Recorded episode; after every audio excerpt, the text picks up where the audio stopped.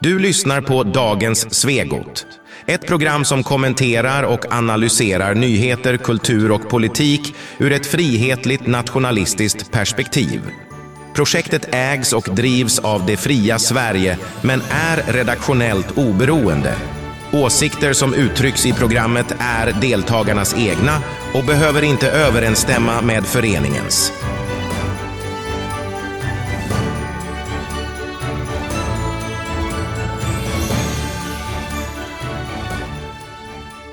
2023 är snart över. När vi spelar in det här så är det den 28 december och det här är med största sannolikhet det sista avsnittet ifrån Dagens Svegot det här året. Eh, och vi ska försöka summera, resonera kring året som har gått. Och vi som ska göra det, det är eh, jag, Dan Eriksson, och så är det du, Magnus Söderman. Ja, men det stämmer alldeles utomordentligt bra. Jag sitter här redo att ta, ta mig an äh, 2023. Just det. Jalle Horn som brukar vara med oss, eh, ja, vi ska inte prata om det egentligen, men, nej. Eh, nej, men han är inte här just nu kan vi säga. Han är inte här just nu, eh, helt sant. Och eh, vi får se Eh, när han är med oss igen. Mm. Förhoppningsvis eh, ja, nästa år någon gång. Ja, någon, gång, någon gång under 2024 förväntas han dyka upp. Vi får se. Det beror på bromsmediciner och sånt där. Uh, vi, om det här är första gången du lyssnar på något av våra avsnitt, um, så uh, varning för intern humor. Ja, det kan, kan bli lite sånt vid uh, vissa tillfällen. Kan bli så efter uh, 12 års poddande och några tusen avsnitt. Eh, att det, det, det, växer fram interna skämt. Eh, men det gör inget. Du behöver inte vara orolig. Du får vara med ändå, även om du är helt ny här. Eh, och så får du liksom växa in i det. Du kommer fatta om en 300-400 avsnitt. Ja, så häng med i 12 år till så ska du nog se att dimper ner på plats. Hur har 2023 varit för dig personligen, Magnus? Eh, min advokat har sagt att jag inte ska svara på sådana frågor. Eh, jag är den enda av oss som har suttit i rättegång i år. Ja, det, det, är du faktiskt. Jag har inte ens en advokat längre. Och uh, friats. Du har inte ens friats i år. Nej, nej, jag, precis. Jag har inte ens blivit friad. Uh, nej, men det, det är som, som det brukar vara, upp och ner tycker jag. Uh, inga, inga större. Um, eller, eller så här, snarare. Jag, jag lärde mig en sak av en, en författare Eh, jag läste ett citat av en författare ehm, eh, som, ehm, som, som lärde mig hur jag ska besvara sådana här frågor. Och det är genom att vara väldigt hemlighetsfull. Mm. Uh, så man berättar det innan då så att man liksom förstår att det är det du håller på med? Ja, men precis. Uh, nej, men det är då uh, Khalil Gibran som, som, som, som sa så här att res och berätta inte för någon. Lev en sann kärlekshistoria och berätta inte för någon. Lev lyckligt och berätta inte för någon. Människor förstör vackra saker.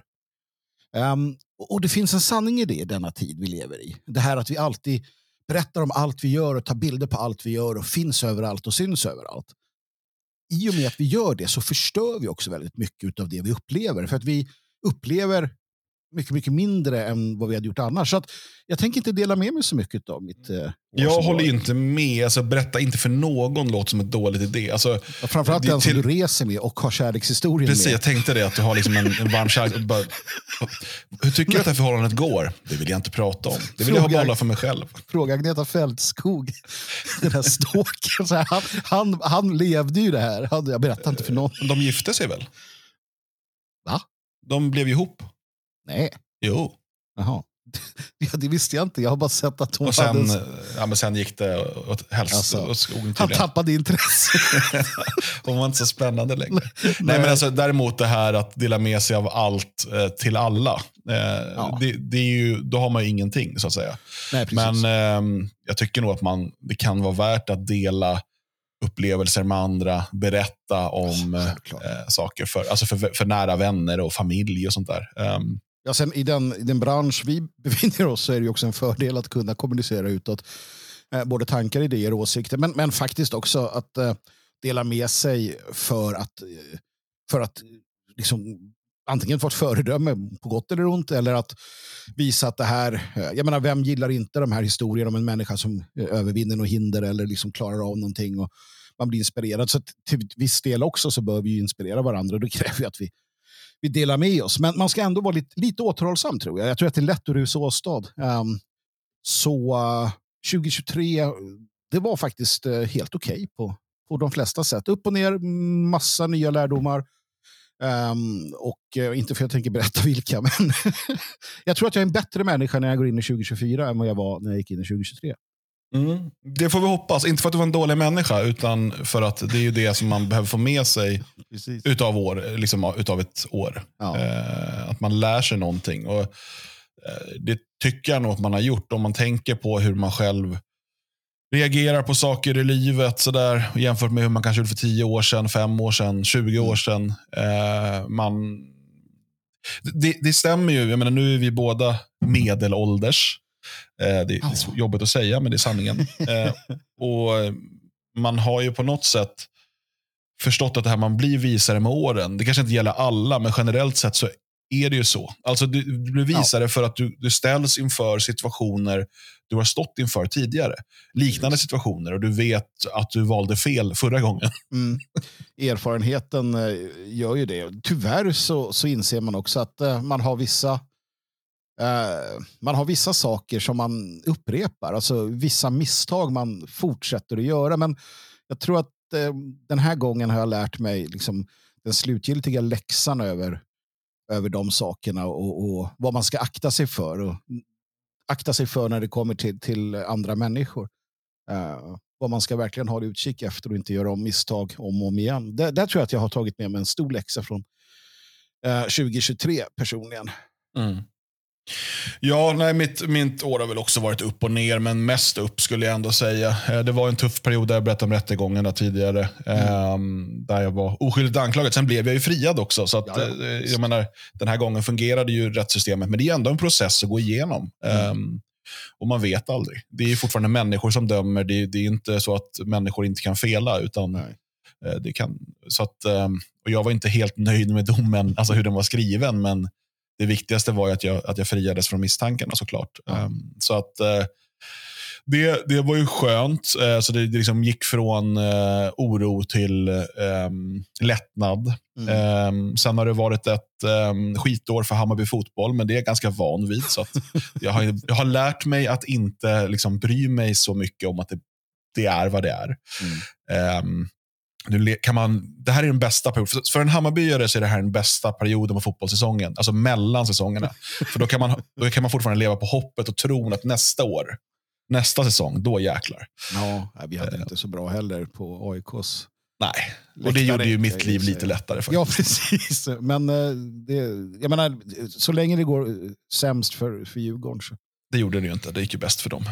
Jo, alltså, Men det ska vi inte prata om nu, utan det här ska bli ett trevligt avsnitt. Men det är också en sån där sak jag tänkt på. Och där tycker jag att vi ska klappa oss lite på ryggen. För att vi, vi har lyckats leverera ett år för både Svegot och uh, Det fria Sverige som uh, liksom har, har levererat varje dag uh, mm. på alla fronter. Och den här förmågan, och det är ju någonting man, man får med, med tiden, det är den här förmågan att kunna Um, ta allt privat och personligt och sen så kan du hantera det. Men du kan också jobba professionellt. Uh, för att det är många, många människor som... som uh, liksom, och det är någonting som jag bär med mig med ödmjukhet. Att det är många människor som, som följer och tittar och undrar och, och litar på att man vet vad man gör och att det vi levererar är genomtänkt. Att vi inte fubbar igenom någonting. Att vi vet vad vi pratar om. Att vi har tagit den tiden, alltså respekten gentemot dem som sätter sin tilltro till en, att man kan hantera de sakerna. Och det um, tycker jag är liksom någonting som vi, vi fortsätter att leva upp till. Att man inte låter ah, vad det nu kan tänkas vara som bekymrar det, det, det skiner inte ens igenom i, i arbetet för föreningen och Svegot och det eh, är jag stolt över. Mm, nej, men det tycker jag absolut vi kan vara. Eh, nu är det någon granne som borrar här, så att hör ni eh, borrande ljud så får ni leva med det helt enkelt. Då kommer det i bakgrunden. eh, vi sitter ju på våra respektive kammare och spelar in det här. Eh, det råder ju dessutom någon typ av snökaos i Västra Götaland. De bara varnar, varnar, varnar. Gå inte ut, säger de. Mm, eh, Så jag skickade ut familjen nu så att jag kunde spela in. Ja, men det, det är bra. det. Jag, jag, själv så höll jag ju på att haverera med bilen här igår, då, så att jag sitter också ganska inspärrad där jag sitter. Ja. Men 2023, eh, det ska inte bara handla om oss det här, utan eh, Nej, vi har ju som du säger levererat eh, ett par hundra avsnitt där vi har pratat om både stort och eh, smått. Och världen har ju tuffat på under tiden. Eh, kriget i Ukraina har ju verkligen gått över till att bli ett utnötningskrig, ett, en köttkvarn, en, en, en tragik som Ja, just nu så involverar det ju inte fler länder, men, men det, man får ju ändå, jag, jag får i alla fall de här liksom tankarna eh, till det man har läst om första världskriget. Och, och det, där det känns som att det här hade väl kunnat ta slut tidigare eh, på ett eller annat sätt. Eh, men eh, det är bara en massa, framförallt då vita människor som, som dör i det här, i det här fruktansvärda kriget. Eh, och att det kommer förmodligen, det här är vad jag tror, eh, sluta i någon typ av, eh, det gör det väl alltid i och för sig, skrivbordsuppgörelse. Mm. Eh, som ingen kommer vara nöjd med. Och Sen går vi ner i någon, kommer det gå ner i en, en lugnare period. Kanske lite grann som mellan 2014 och 20, eh, 2021. Eh, där, eh, nej, 2022 var det som fullskalig invasion inleddes. Ja. Ja. Så mellan 2014 och 2022. Um, där det liksom är lite små skärmytslingar och sådär. Eh, och med största sannolikhet så kommer Ryssland att eh, eh, liksom under den här tiden bygga upp eh, sin kapacitet. Och samma sak kommer då väst, NATO, Ukraina göra. Eh, och Sen får vi se vem som eh, inte orkar vila på hanen längre. Nej. Uh, nej, det är väl så det lär bli för att de, de enda sakerna som skulle kunna liksom få det här, för det är någon form av dödläge även om det är ett hyfsat aktivt dödläge i det att det händer saker, men det är att antingen väst, väst bestämmer sig för att eh, sluta med sin doktrin och göra något helt annat ehm, eller att eh, typ Putin dör eh, och att någon annan tar över och, helt enkelt stakar ut en ny riktning. Antingen att den är ännu mer aggressiv eller att den är mer återhållsam. Och, jag menar, när, när Putin tillträdde för många långa år sedan så uttryckte han ju att han ville eh, ansluta Ryssland till NATO och han ville, han ville ha liksom, en, en öppenhet mot väst och så vidare. Um, så att uh, det, det är väl de sakerna som, som krävs någonstans. Annars så blir det som du säger någon form av uh, eh, stillastånd eller man, man håller den här uh, buffertzonen och, och det blir lite fram och tillbaka till, till det ukrainska folkets stora lidande. Det är ju det är åt helvete helt enkelt. Um, återstår också att se vad som händer med um, konflikten i Israel, så på Gaza. Ja, vi har ju pratat om det där lite när vi har suttit eh, i redak- på redaktionen och kommit fram till att det är en, alltså Israel försöker göra sig av med eh, Gazaborna. Punkt. Det är vad de, det är vad de jobbar på. Det, det är en etnisk rensning ehm, som man är ute efter. Ehm, och det, det är ju det som, eh, jag vet du har sagt det, att det, det är enda sättet. Alltså så här, antingen så, något, någon måste bort. No, någon i, i den här eh, konflikten som är, så någon utav eh, spelpjäserna måste bort från planen. Det är bara så. Antingen så försvinner liksom i Israel eller judarna eller så försvinner eh, palestinierna på Gazaremsan. Ja, och eh, det är förmodligen åt det hållet eh, det kommer gå. Nu borras det väldigt mycket här. Ja, det gör inget. Eh, Jag hoppas det går att höra mig ändå. Ja, då. Ja, bra. eh, nej, det är ju åt det, det hållet det kommer gå. Eh, på ett eller annat sätt. Eller åtminstone så kommer väl, ifall då det är Israel som går vinnande ur det här på kort sikt, Mm. så kommer man ha en, kanske en liten spillra kvar som är väldigt hårt eh, kontrollerad Mm. utav Gazaborna. Eh, men jag tycker också att om man ska se över 2023, något annat som är intressant då när det gäller eh, det här uppblossade kriget i, eh, mellan Israel och Hamas, eller Israel och Palestina, så är det ju omvärldens eh, reaktioner. För att Mm. jag tycker inte att stödet för Israel har varit så kompakt som jag trodde att det skulle vara. Visst att eh, liksom, vad ska man säga, vänster och socialdemokrater och, och tredjepositionister och sådär i Europa eh, är liksom antisionister och de är för liksom, Palestina och sådär. Men eh, jag tycker att även eh, om vi tittar till USA, som ju är det absolut viktigaste när det gäller Israel, eh, så ser vi en, en vändning i den här frågan. Och Det är lite som att eh, som utvecklingen i väst med både islamiseringen eh, genom, genom invandringen och den demografiska förändringen, men också framväxten av bokrörelsen mm. har skapat en grogrund som eh, inte är bra för Israel. Eh, och Det ser man ju på universitet om inte annat, eh, kultursidor eh, och sen på de här demonstrationerna på, på, um, på gator och torg. Mm. Och på ett sätt som jag tycker man inte har sett. Eh, för att för den kanske yngre eller som inte tidigare som inte har följt den här frågan tidigare så är det inget direkt nytt med eh, ett krig i den här regionen. Eh, utan det har ju pågått till och med innan staten Israels bildande eh, 1948. Men däremot, eh, det som man kan säga var lite annorlunda nu, det var väl med vilken kraft Hamas slog till den 7 oktober. Mm. Att man inte har lyckats då så bra tidigare att, att döda så många.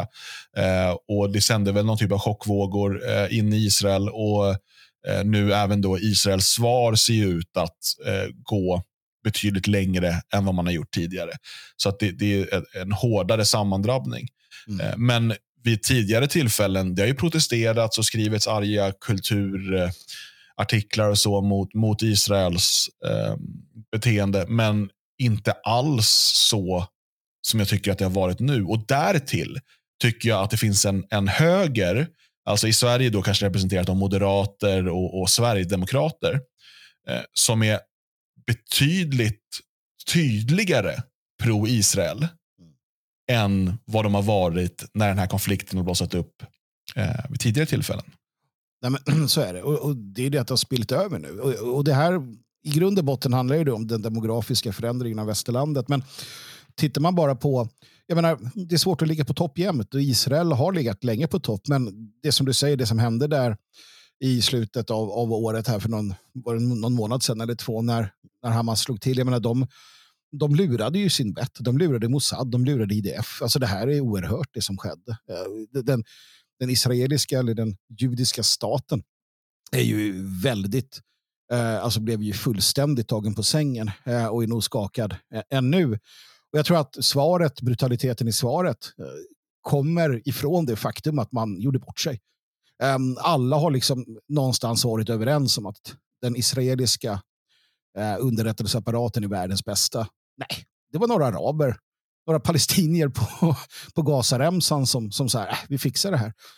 Um, och, och, som du säger då, svaret i väst, alltså här har vi ju den, och, och, och, det är ofta så att man kanske inte, jag menar jag tänker på de judiska intellektuella som i, i årtionden har argumenterat för eh, mångkultur och massinvandring av det enkla skälet att man inte vill vara den enda minoriteten. Det är inte svårare än så.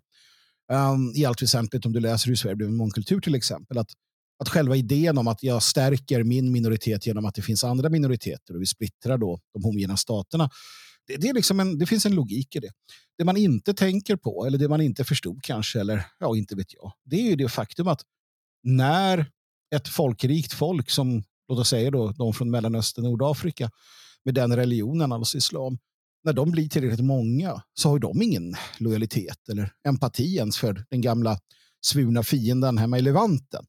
Um, och där står man nu. Och den demografiska förändringen har ju också gjort då, det faktum att vi är så rädda då, vi inom citationstecken, för att vara islamofober. Vi är ju så livrädda för att vara islamofober. har ju gjort att människor inte eh, har någon, någon någon, någon självförsvarstanke kring de sakerna. Utan då ser man så här, ah, nej, men det är liksom kolonial, kolonialismen i Israel, det är vita, de här vita typerna judarna som har förtryckt det här bruna folket. Och man, man applicerar den tanken man har lärt sig hemma i väst också där. Och då så helt plötsligt så, så skiftade den här kränkthetspyramiden och nu är araberna på topp.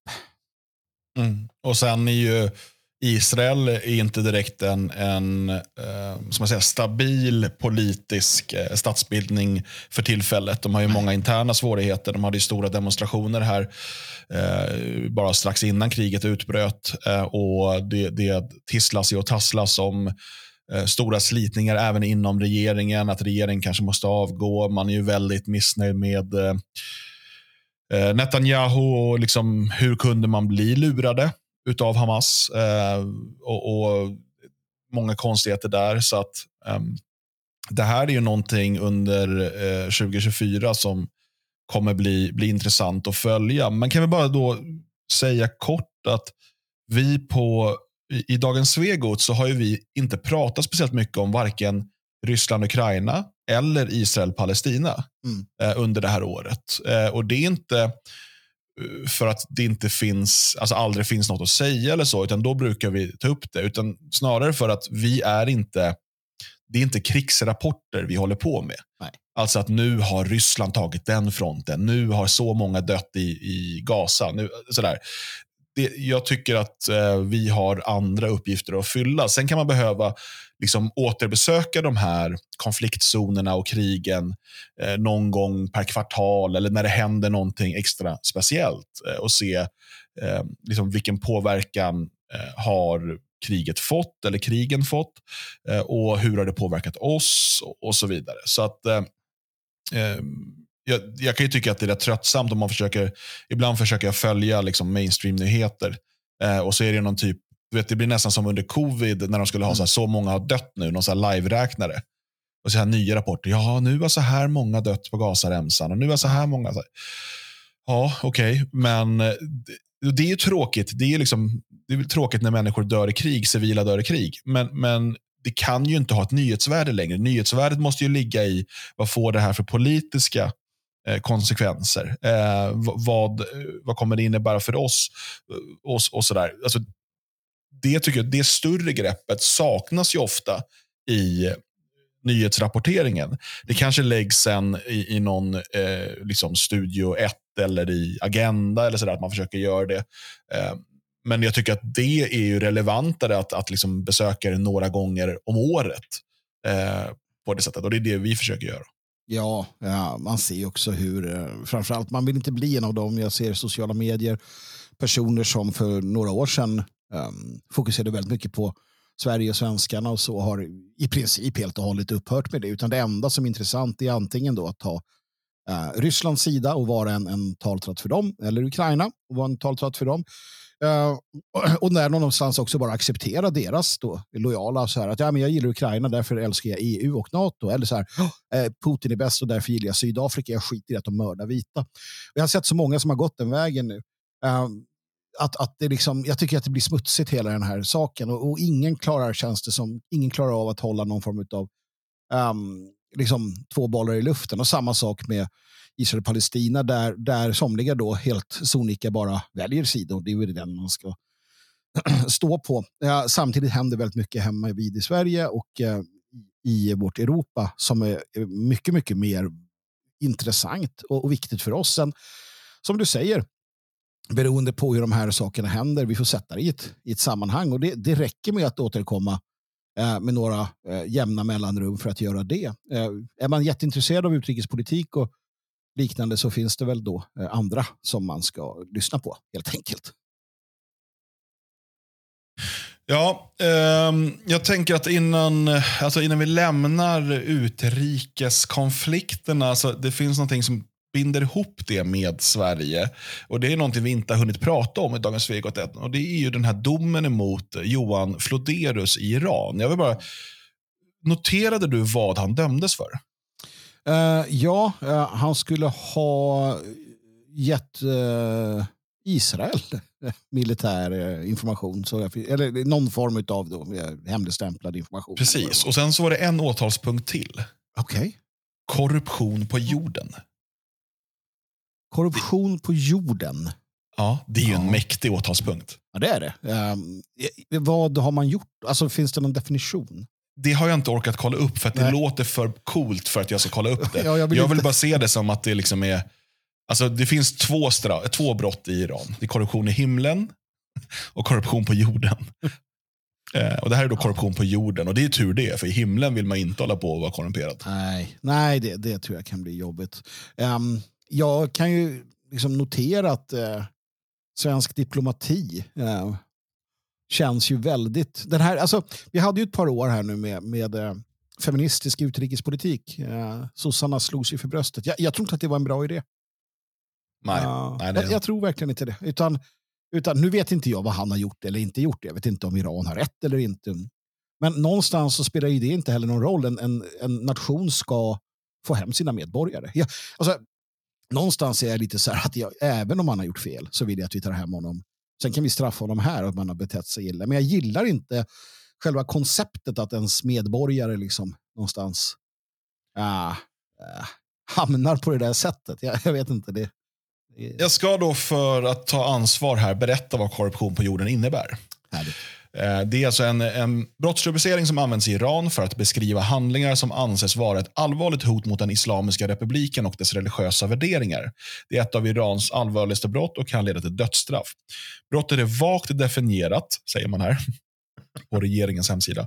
Brottet är vagt definierat och kan omfatta spioneri, terrorism, förräderi, korruption, uppror, mord, våldtäkt och homosexualitet. Det har kritiserats av människorättsorganisationer för att vara ett sätt att tysta oliktänkande och politiska motståndare. Så han kan ha varit bög. Ja, precis. Ja, det är en väldigt bred... Eh, jag hade velat ha den lite mer definierad. Eh, men, men det är okay. också skönt att bara, det är något jag inte gillar. Så. Ja, ja. Korruption på jorden. Ja. vi får se när vi har tagit eh, makten här i, i väst så kanske vi kan införa det också. Då. Men det här är ju, du, du nämnde diplomati, för att Sverige har ju samtidigt då dömt eh, en, en iranier. Ja, just det. Hamid Nouri. Eh, och han är dömd till livstidsstraff i, i Sverige för eh, människorättsbrott, eller vad de nu kallade det för. Ja. Um, efter då ha, ska ha varit någon typ av nyckelperson i eh, avrättandet av iranska politiska fångar på 80-talet. Mm. Eh, och eh, det, det, sägs ju då att Iran vill göra ett fångutbyte. Ja. De vill ha hem Hamid Nouri och då skulle Sverige kunna få tillbaka Johan Floderus. Yes, och det är bara att göra. Alltså, vad väntar man på tänker du? Ja, jag vet inte. Någon, någon form av så här goody two shoe. Vi är, eh, vi är större än så. Vi håller inte på med sånt. Vi har eh, något så här moraliskt. Jag vet inte, något dumt. Det är något dumt antagligen. För att det är ju bara att göra som sagt. Det finns ju ingen...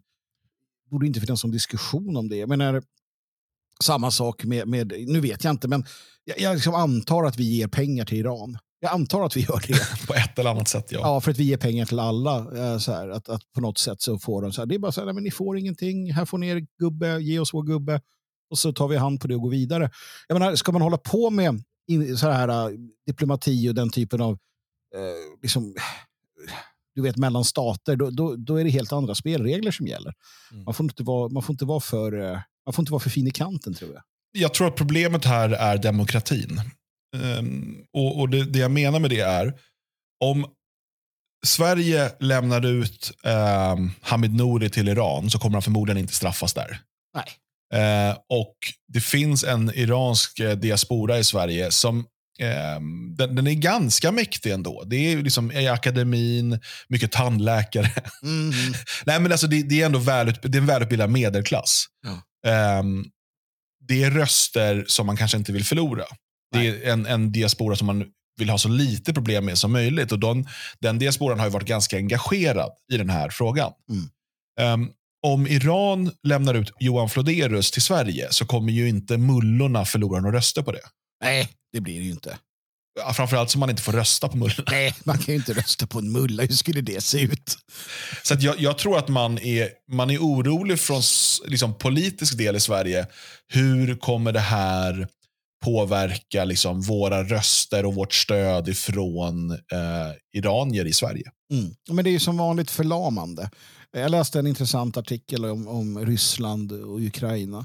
Där, mm, och väst då, det, det är den ukrainska, jag tror han var försvarsminister, något, han sa, han konstaterade att Europa vet inte hur man för krig. Ja, för att Europa lyckas inte eh, få fram eh, material och utrustning. Och, ja, och han konstaterar bara att i Ryssland så har man ställt om till krigsekonomi och man har ett styre som gör att i det fallet är det staten då som kontrollerar vapenproduktionen. Så då skruvar man upp den.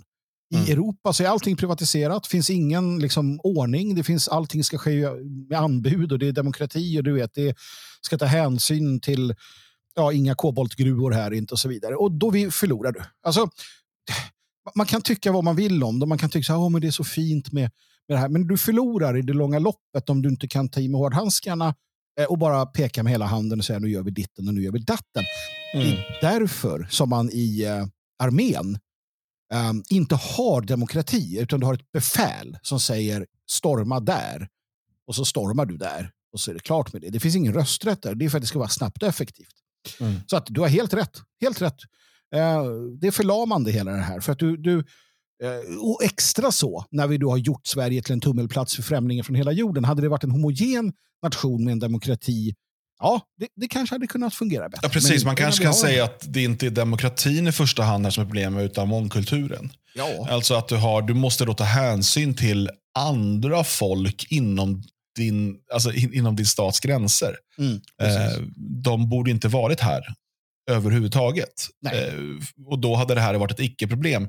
Hade det då kommit en krigsförbrytare hit eh, av någon anledning och vi hade eh, tillfångatagit honom, eh, då, hade, då hade han varit ett bra ska man säga, en diplomatisk spelpjäs för att få igenom det vi vill i Iran. Till exempel att få hem en svensk. Ehm, Men nu måste man plötsligt, och det är det här som är problemet då. Svenska politiker måste förhålla sig till iranier i Sverige, men iranska politiker behöver inte förhålla sig till svenskar i Iran. Nej, Nej och sen, sen skulle jag ju uppskatta lite så här stringens kanske. Att så här, ja, men om det nu är så att vi, så här, ja, men vi ska skydda de här människorna från eh, iranska regimen och vi ska, oh, de kan inte lämnas ut och sådär. Och det är så dåligt i Iran. Ja, men bomba Iran då. Jag menar, bringa in svensk demokrati där då. Gör det, gå all in. Om det nu är så jävla bra. Men det gör man inte, utan man så här, tippar runt på tårna och pajar Ja. för oss. Och sen så är det så att eh, i Iran anses ju han inte ha begått något brott. Nej. Ehm, och vi tycker då att det är helt rimligt att vi dömer honom i Sverige för att här anses det vara ett brott det han har gjort. Ja. Är det då rimligt att svenskar i Iran döms för något de har gjort i Sverige, men som inte är olagligt här? Typ homosexualitet. Vi säger att de har, de, har, de har begått homosex i Sverige. Mm, Sen åker de till Iran på semester, vilket är jättekonstigt, men det händer säkert. säkert. Ehm, och så blir de tagna i Iran och dömda till döden för korruption på jorden. Vilket jävla riskbeteende du har. Jo, Du men det- bög. det du, sa ligger i- bög, sp- du spelar in porrbögfilmer. Ja, men, och då ska Sverige bara, jo, jo, men det är klart, det är olagligt eh, det där han har gjort. Det är olagligt i Iran, så att då ska vi acceptera det. Nej, men Alltså, man kan ju det- vrida och vända på det här hur mycket Ja. man vill. Eh, och, och, och sådär. Problemet blir ju här, jag- jag, för mig är en svensk mer värd än en iranier. Och därmed så är det en vinst för oss att få hem en svensk om de får tillbaka en iranier. Sen eh, vet jag ingenting om den här Johan Flodérus. Han kanske är en skitstövel. Jag, Ja, ja. det, det, är liksom, det, det är inte omöjligt. Men, men generellt sett så det är väl bara eh, så. Få hem honom igen. Han har familj här hemma. De väntar på att få hem sin pappa och sin, sin son och så vidare. Ja. En, jag tycker en annan sak som är värd att notera det är ändå det här med korruption på jorden. Det, det, vi skrattar lite åt det, men jag menar, vill du höra något annat så här sjukt dumt? Brott mot mänskligheten. Ja. Det är också så här, va? Okej, alltså på vilket sätt? Alltså, hmm. Om du tar Slobodan Milosevic, va? han dömdes väl för det tror jag. Mm. Eller jag vet inte. Han, vadå, jag är en del av mänskligheten. Jag kände mig inte som ett offer. Jag gjorde inte det. Mm. Faktiskt. Ehm, Fast det du döms för är väl att du är krigsförlorare? Ja, precis. Så det borde ju heta det. va? Vad är ditt brott? Jag förlorar kriget. Och då Ja. jävlar ska du få. Det är ju aldrig så att vinnaren av ett krig döms för brott mot mänskligheten va? Nej, det är väldigt sällan. Jag har aldrig hört talas om det. Fråga Saddam Hussein. Så här, ja, men du hade det här. Nej, ni ljög ju. Ni, ni bara ljög. ja, ja, jo, jo, men eh, så. Nu, nu är du död, din jävel. Nej, det är fult det där. Usch. Innan vi tittar mer på allvarliga saker i, eh, i världen det här året så tänkte jag kolla med dig hur, i, liksom, hur mycket du hänger med i eh, den moderna världens eh, populärkultur. Ja. Eh, vad tror du själv? Nej, men det är väldigt mycket ändå, skulle jag säga. Jag är, det är en del av min... eh, the, the fiber of my Okej, så här då. soul. Jag har kollat upp de tio mest spelade artisterna på Spotify i Sverige det här året. Ja, ja. Kan du gissa två utav dem? ja kan jag. Kör. Ja, du får säga hur många du vill, men du ska få två rätt. Ja, eh, Taylor Swift och ehm, ehm, Einar. Ja, det, det var ju för bra på det här. Yes! Vem, vilk, vem eller vilka tror du är den mest spelade? Eh, alltså sorgligt nog skulle jag säga att det är typ eh, Einar. Nej, han är tvåa. Jaha. Ja, då är det ju någon annan sån där gangsterrappare antagligen.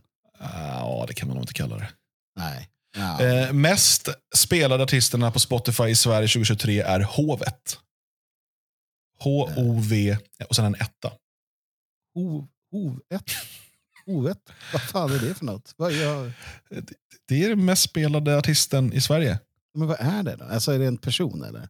Nej, det är ett band. Eh, Hovet består av Ludvig Kronstrand, Noel Flike, Dan Dante Linde och producenten Axel Liljefors Jansson. De slog igenom stort 2017 med sitt debutalbum Hov 1, som blev etta på den svenska albumslistan. Sedan dess har de släppt ytterligare tre album, Gudarna på Västerbron, Vindar på Mars och Barn av vår tid. Som alla har blivit etta på albumlistan, vunnit sju Rockbjörnar, sju utmärkelser på Peter Guldgalan, streamats över en miljard gånger, samt Hoppsan. 16 officiella singelettor i Sverige, flest någonsin. Jag har aldrig hört talas om det här. Och du har aldrig hört talas om dem? Nej, men jag tyckte att Noel Flike, det var ett fint namn. Det blev, jag blev lite intresserad av det här. Vem är det här alltså? Jag ger dig 45 sekunder av den låt som ligger etta eh, hos, på deras Spotify-lista här. Yes. Den heter Grät. Eh, Det är spännande med en titel i den ja, tempus. faktiskt. Ja, Grät eh, låter då så här. Ska vi se.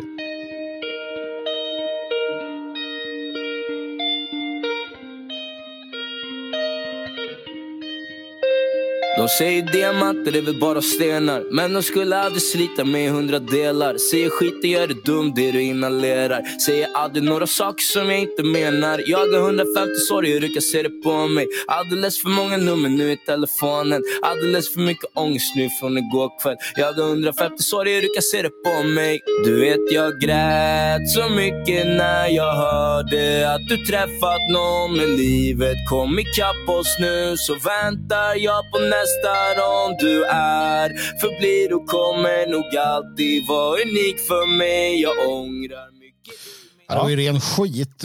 Och jag måste ju säga att jag, jag gråter ju över mitt folk eh, som lyssnar på ren skit. Eh, och jag, jag måste också säga att det är lite tråkigt den där Noel Flike. Jag tycker det var, så, det var ju ett jätte, jättefint namn, spännande. Han verkar ju vara en ren skit han också. Jag läser här någonstans att han eh, dels så ser han ganska muppig ut, så här, försöker se lite cool ut, men så, så här Noel Flike såg Sverigedemokraternas Kent Ekeroth på krogen och gick fram för att säga några välvalda ord. Och så säger han eh, Sverigedemokraterna är ett rasistiskt parti, punkt. De har ju liksom folk i deras parti som offentligt och stolt uttrycker sina vidriga åsikter. Bla, bla, bla, bla, Har de bla. offentliga företrädare i sitt parti? Ja, så det här var ju en sorglig... Jag hade ju hoppats att det skulle vara någon sån här, eh, du vet, eh, ett band med någon form av så svensk fin vis... eh, Det är någon typ melankoli. av um, Danderyd-rap tror jag. Ja, det är patetiskt. Alltså det är... är- Yt... eh, Nej. Okej, det- men den mest streamade Ja, låten i sorgligt, Sverige då? Ja. Det är inte Hovet. Nej, alltså hovet för mig förknippat med, inte det eh, kompandet till, Till Lasse Winnerbäck. ja, Jo, han hade ett band som hette Hovet. Eh, och sen är det också eh, kortformen på Johanneshovs isstadion. ja precis. Ja, jävla dandy. Och sen är det också där, det, som kungen är en del utav. Ja, ja precis. Så var, de där ska ju bara, hörru Noel, tömt. Ehm, jo, eh, du sa den, ehm, Den mest streamade låten. Den största Mest- hitten i Sverige på Spotify detta år. ja men det skulle kunna vara något så här udda. Ja, eh, mer udda än vad jag kan tänka mig. Men jag, jag säger Taylor Swift. Nej, det är ett band från Falun Jaha. Som består av Adam Bergstål, Gustav Jörgensen, Oliver Nordqvist och William Alborg. Okej, ska jag bli besviken nu igen? Eh, nej, det, det vet jag inte. Eh, Jag tänkte om jag kunde få tio sekunder av deras. Ja, du kan få lyssna på eh, den mest streamade låten i Sverige under 2023. Den heter Ikväll igen Ja, med, låt, med bandet Bolaget. bolaget. Ja, det är ändå lite roligt. Det låter så här. För jag kommer ta mig hem ikväll igen. Jag tar mig härifrån. Och jag har legat naken i en cell. Jag hoppas du förstår. Var är du? Vad ser du?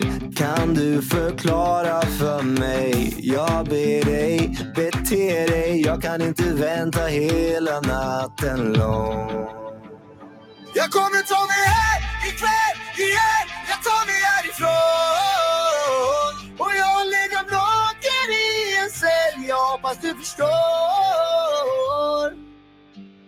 Jag kommer ta mig ikväll igen Jag tar mig härifrån Jävla hetsande då. Varför, varför ska han... Nej, det var inget bra. Det här var ju sorgligt. eh, På alla sätt och vis. Uh, jag, blir, jag blir lite provocerad av sånt här. Alltså den här typen av så här.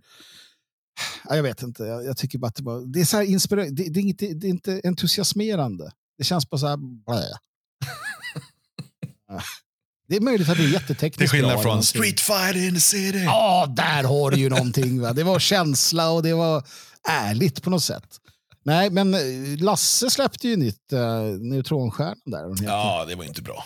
Nej, han har ju blivit jävligt tråkig. Ja, det är så sossigt och tråkigt och han försöker göra för mycket arenarock. Ja. Eh, liksom, det är för bredbent och Bruce ja, Springsteen. Och, ja, nej, eh, det, det, nej, det var bättre Men eh, jag, hade, jag hade hållit mig bra i alla fall. Jag fick så här hälsningar från, eh, från en massa stjärnor eh, som jag har lyssnat mycket på under året. jag, jag, jag fick ju från Spotify, så här, det här har du lyssnat på. Och, mm. Oj, vad ensidigt. Herregud. Mm. Jag kanske måste in lite hovet och bolaget där. ja, nej, det kommer inte hända.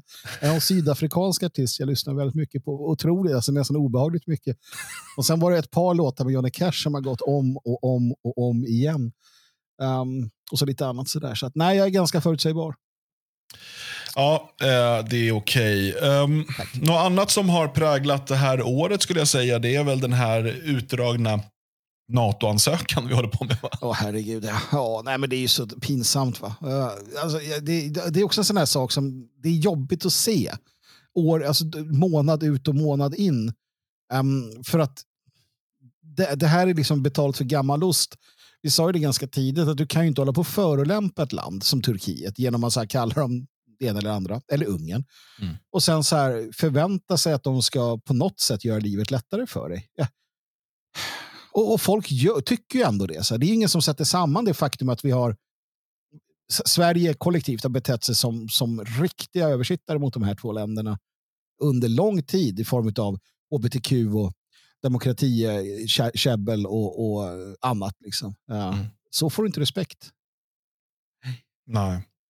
Nej, och den här, det verkar inte vara slut än, utan det kommer pågå under nästa år också. Då. Um, jag sitter ju bara och hoppas på att Sverige ska komma på andra tankar och dra tillbaka sin ansökan, men ja. det kommer väl inte hända va? Det tror jag inte det kommer göra. Men, men, och, och det är också så att, om jag tänker att vi ska ta ett vi ska, nu ska vi ha eh, Svegot-kuppen ja. i fotboll. Och, och, du ska ta ut ett lag. Och så är det ja. så du vill jag är ledsen Magnus, men jag väljer Ja, men säg att du, okay, du väljer inte mig. Då. Jag trodde det, men okej. Okay. Men du väljer, du har Zlatan som du är så jävla kär i. Han är där av någon anledning. Mm, näsan. Ja, och du säger, ja men Zlatan, han bara nej. Och du bara, jo snälla. Och du så här, håller på i all evighet. Och så här, han bara, nej jag vill spela med andra laget. Jag kommer vara lojal mot andra laget. Var inte du ganska bra vänsterback i Kallhäll? Ja, Libro. Mycket Libro fick ja, jag spela. Ja, men jag tar men, det. Absolut, ja. Nej, men det är ju samma sak. Liksom, eh, varför vill vi ens? Alltså, Turkiet beter sig som CPn och det finns ingen, de, verkar, och de ligger typ i krig med, med, med Grekland som är NATO-land. Mm. Vad är det här värt? Liksom? Ja, det, är det USAs kärnvapen eh, eh, liksom paraply som vi vill ha? Eller? Alltså det jag tror hände det var ju att eh, sossarna, eh, som ju också som bytte fot i det här, de, eh, de blev på riktigt rädda för Ryssland. Ja. Jag tror det. Eh, att det var det, det som hände. Moderaterna har ju alltid velat gå med. Och ja, Sverigedemokraterna vill hålla sig väl med Moderaterna för att få eh, vara en del av regeringsunderlaget. Oh. Eh, så att eh, jag menar, att, att högern eller Moderaterna skulle ändra sig i den här frågan, det finns ju inte på kartan. Frågan är om sossarna är tillräckligt smarta för att inse att det kanske finns en, en väljargrupp, till och med av missnöjda Sverigedemokrater, Eh, nu när de börjar liksom i retoriken kopiera Sverigedemokraterna i invandringspolitiken. Mm. Om de skulle gå mot en mer eh, NATO, alltså mot NATO och kanske till och med lite EU-skeptisk linje. Eh, de kan ju prata om att skydda kollektivavtal och sånt, men, men liksom, du vet, eh, vi ska inte ge mer makt till Bryssel och sådär. De brukar vara bra på att navigera, så att eh, vi får se. Men, men så länge vi har den här regeringen så ja, det är väl i stort sett har vi väl redan skrivit under papperna för NATO. Vi bara väntar på att någon annan har skrivit under dem också. Ja, precis. Det är bara så här uh, godkännandet kvar. Det är som en, en motsträvig Tinder-dejt eller något. Jag vet inte. Ja, det, det, är bara sorgligt att se för att vi, vi, uh, vi skämmer ut oss hela vägen in i NATO. Äh, Uh, Men eh, ja, vi får se. Men det lär, väl, det lär väl bli så. Det är ju bara att ställa in sig på det. Och Jag menar, man, man, nu, man slut, avslutade ju året med att, ehm, och det hade inte med NATO att göra, ju med USA att göra, men att, att ge upp eh, svensk mark till amerikansk trupp. eh, Mm. hur mycket de vill. Ja, I princip, jag, jag såg en lista över de där baserna de skulle få an- använda. Det var några i min närhet här. Bland annat. Ja, jo. Ehm, vi har ju under året eh, pratat om eh, en ganska eh, liksom bred flora av ämnen, men året började ju med mycket fokus på gängkriminaliteten, skulle jag säga framför allt, men även då de här koranbränningarna. Och Det här skedde ju allting lite, lite parallellt. Alltså vi hade något typ av skjutrekord första Eh, delen av året eh, där, där det sköts en himla massa och samtidigt som eh, det eh, blossade upp den här liksom kulturkriget där eh, ska man säga, västerländsk yttrandefrihet skulle ställas mot eh, muslimsk eh, sharia. Och jag tycker nästan det känns som att eh, det blev ingen knockout, men jag skulle nog säga att sharia leder på poäng. va? Ja, onekligen leder sharia på, på poäng. Ja, det har ju, återigen blir man så där besviken. Det är som med de där, eh, de där hovet och så där. Man blir besviken på folket för att man, man inser att det har gått så himla långt eh, och att folk redan har dresserats till att underkasta sig. Inte bara underkasta sig, alltså inte, inte att underkasta sig islam kanske, men att underkasta sig maktfullkomlighet från politikerna till den milda grad att man liksom accepterar och nästan vill ha um, lugn och ro framför rättigheter. Man vill ha eh, så här, don't make the muslim kids angry. Um, utan, utan bara men låt dem liksom uh, låt dem bli fredade uh, så är det lugnt. Och det är så fullständigt fundamentalt vansinnigt. Danmark gick ju dit. De har ju nu bestämt sig för att det är förbjudet att Mm. och elda koraner. Och det är ett land där man tidigare har kunnat liksom hissa hakkorsflaggor och, och härja runt utav bara helskotta. Um, de har ju haft en otroligt... eh, En, alltså de har varit ett föredöme i, i Norden i form av sin yttrandefrihet när det kommer till vissa saker. Ja, och de har ju nästan varit obstinata när det gäller den. Ja, verkligen, verkligen. Jag, jag, jag bodde, alltså överhuvudtaget deras, vad ska man säga, individualism eller liberalism eller vad man ska kalla det för. Där, jag bodde ju ett år i Danmark 2008 och man märkte ju ännu mer än i Sverige just det här äh, skit, sköt dig själv, skit i andra. Eh, och, och liksom man får bara acceptera att, att folk är som de är. Och du vet, det röks eh, fan cannabis på balkongen varannan dag kändes det som.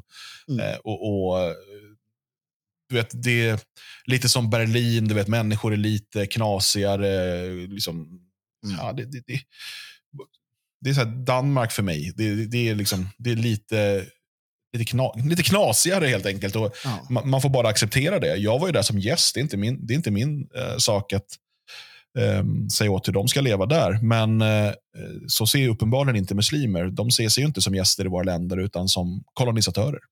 Och det kommer bli så himla tråkigt nu. Alltså, det, kommer, för att det som händer med islamiseringen um, är ju den här typen av inskränkningar som kommer ta bort det roliga i livet. Um, för vissa kommer det vara till sist att, så här, ah, men, och det har vi ju sett i, i Storbritannien, att butiker som säljer alkohol till exempel då tvingas bort eller inte får fortsätta sälja alkohol för att de är i ett område där man inte ska kränka muslimer. Um, Mm. Och det finns många andra saker, till exempel att du ska inte kunna få elda dig en koran om du känner för det.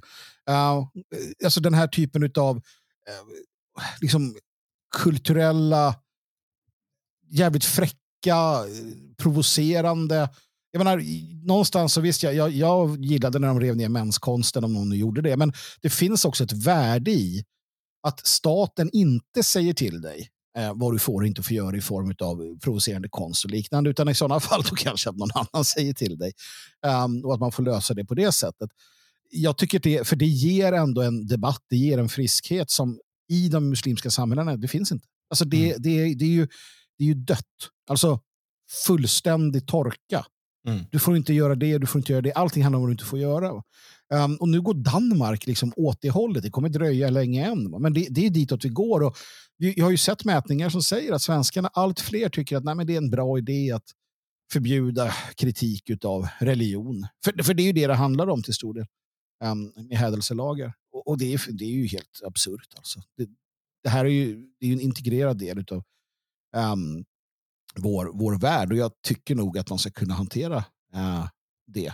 Men det är återigen mångkulturen. Mm. Ja. Vad eh, ska du säga, det fria Sverige det här året då? Vad har eh, utmärkt eh, föreningen? Eh, för jag kommer ju att tänka direkt på liksom det lokala arbetet i, i Elgarås. Mm. Um, inte minst då det eh, trygghetsinitiativ som föreningen tog initiativ till och som sen andra då bybor drev vidare. Um, och som ju faktiskt um, fick väldigt positivt utfall på, på alla möjliga sätt, eller hur? Ja, absolut.